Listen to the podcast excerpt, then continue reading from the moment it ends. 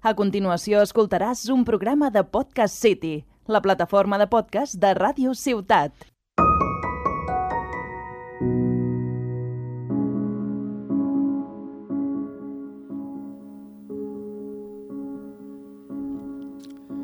¿Cuál es tu historia de terror favorita? ¿Qué es aquello que cuando te reunías con amigos una noche de juego o en aquellas fogatas durante un campamento, cuál es la historia que contabas?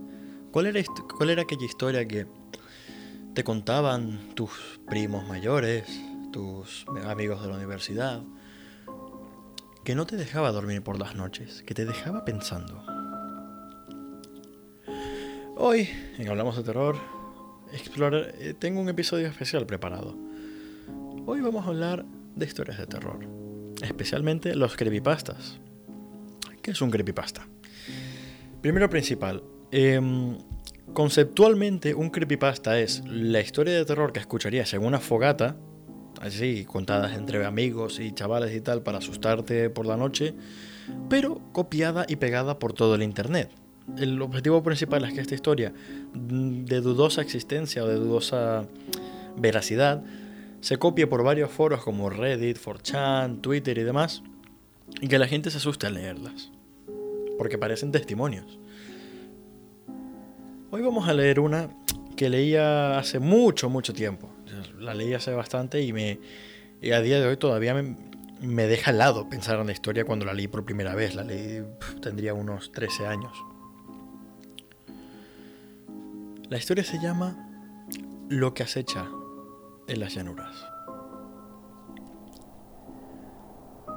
En principio está narrada en la perspectiva del protagonista, un único señor, un granjero en su, en su pobre granja, tranquilo con sus caballos, sus animales, y el antagonista, la susodicha criatura. No es un horror fuerte, no es un horror trascendental. Más que nada son las implicaciones, es directo. La criatura es mala y yo estoy atrapado aquí.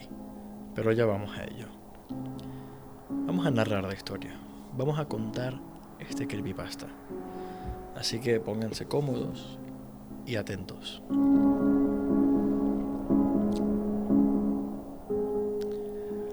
Fue hace semanas que las pacas de heno comenzaron a alejarse lentamente de mi casa.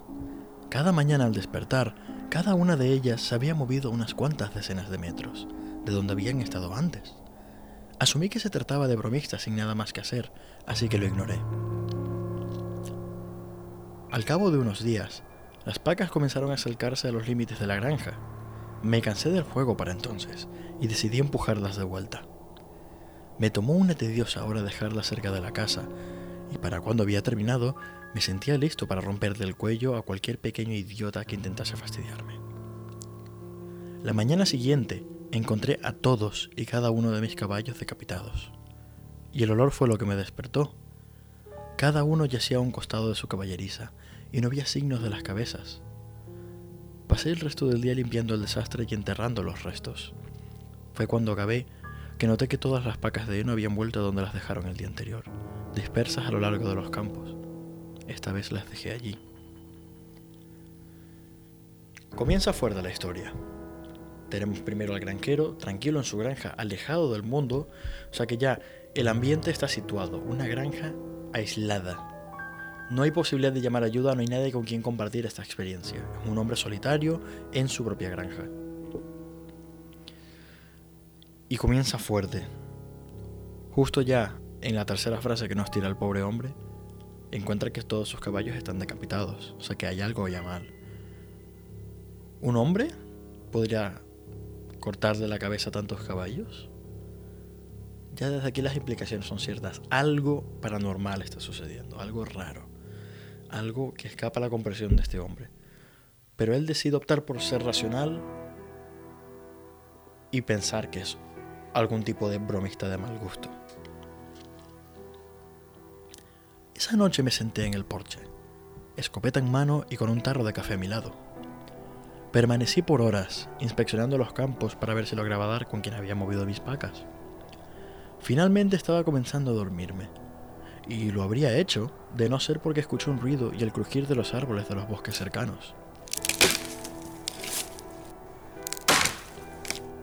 Me levanté, con el corazón palpitando de emoción, esperando capturar por fin al bastardo. Apunté con el arma, esperando ansiosamente a quien fuese que se acercara. Solo cuando la criatura se acercó lo suficiente para distinguir su silueta en la oscuridad, me congelé sin saber qué hacer. La cosa que había salido de los bosques y merodeaba mis campos no sabía que yo estaba allí. Lo seguí por el campo, con el andar de un ladrón sigiloso. De no ser porque la cosa medía casi tres metros aún encorvada, me habría parecido muy frágil.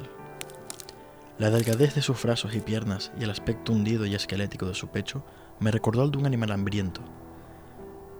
Pero esta cosa era extrañamente fuerte, pues lo vi levantar con una paca cada, con cada brazo y bajarla de nuevo unos metros más adelante.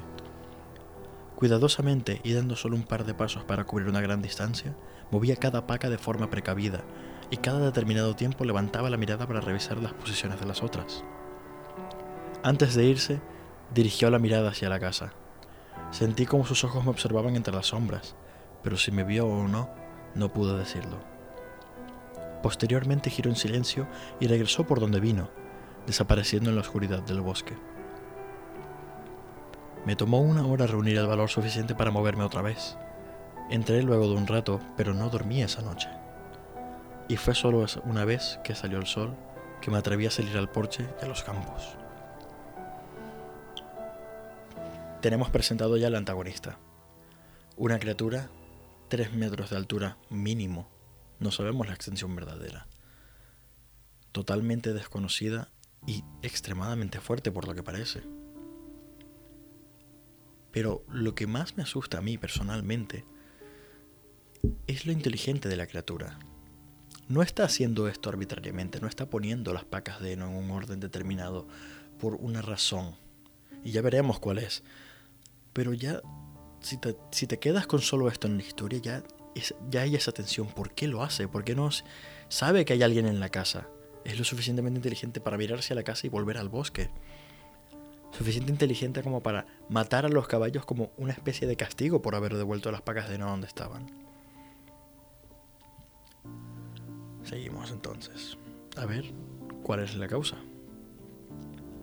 Las pacas de heno se encontraban donde las dejó, y de manera extraña no las movió tanto como en el transcurso de los días anteriores. Tomaban una forma invisible en los campos, y al vernos me di cuenta de que formaban una especie de línea. Y de hecho, al caminar alrededor de la casa, me percaté de que formaban un círculo del cual yo era el centro.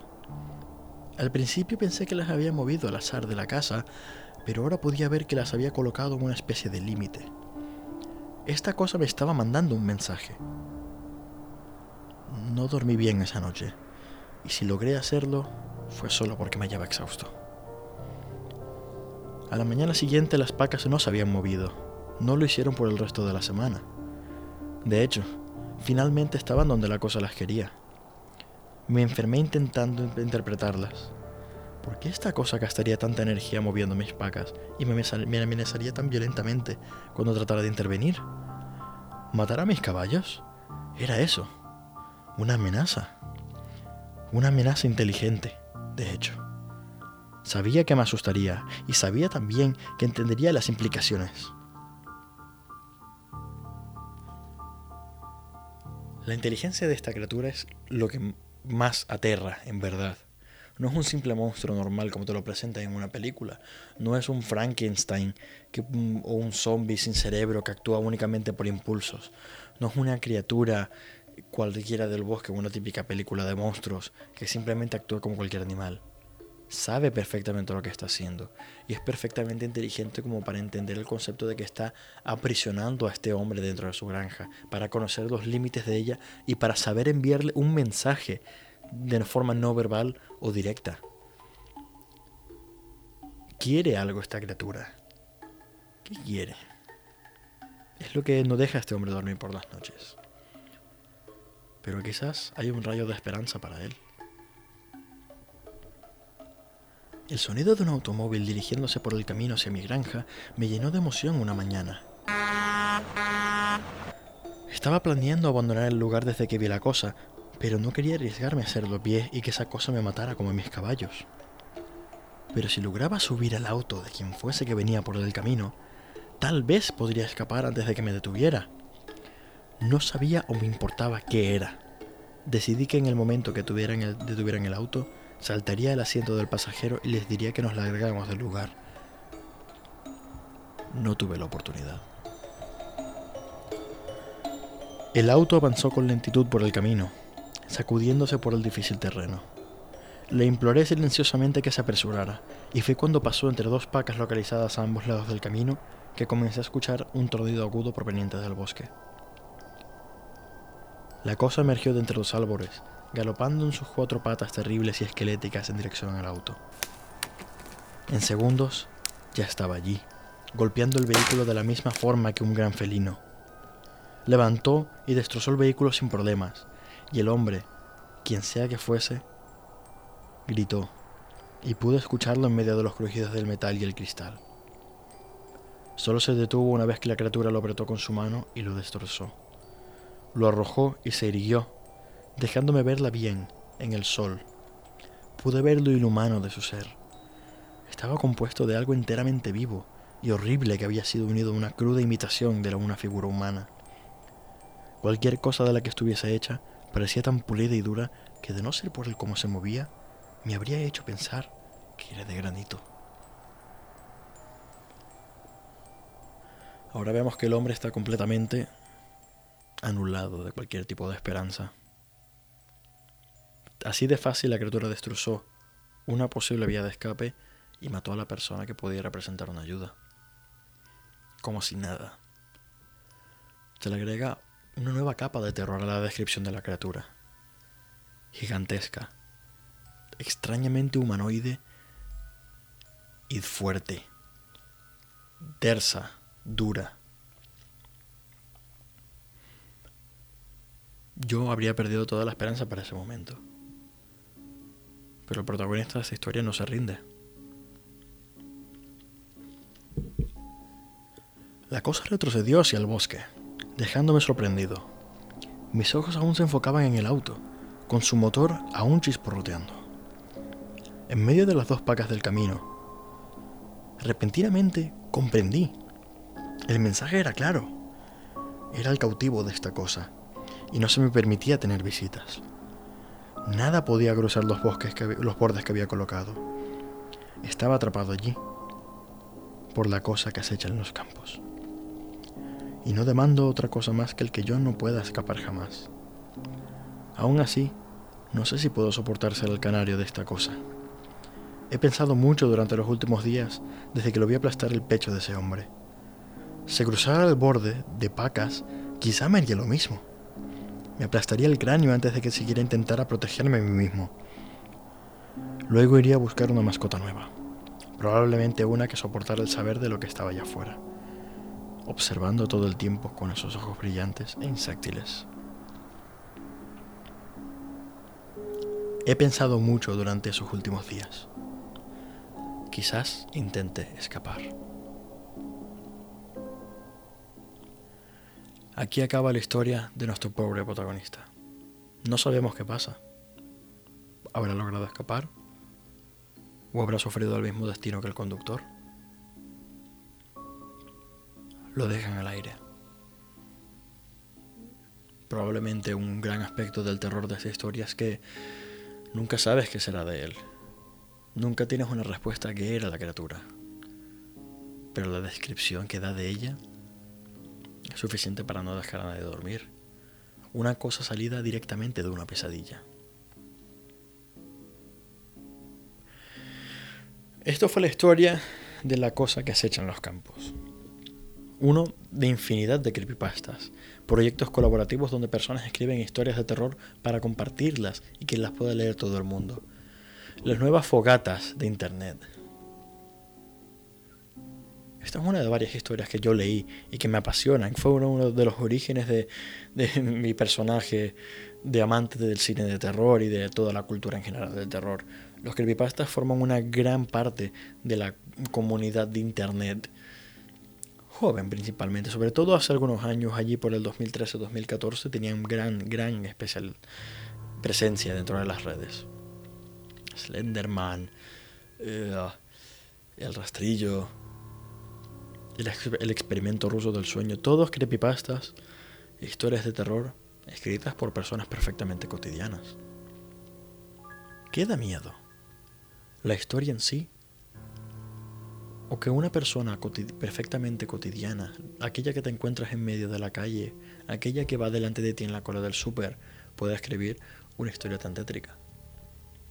No hace falta ser un Stephen King, un Edgar Allan Poe o cualquier otra cantidad de escritores de terror para crear una historia que atemorice a la gente. Y los creepypastas son la muestra de ello.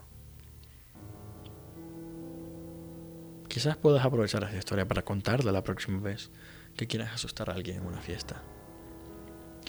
O quizás algún día te des cuenta de que tú también eres prisionero de algo que no comprendes. Hasta que puedas darte cuenta de tu realidad, esto ha sido Hablamos de Terror.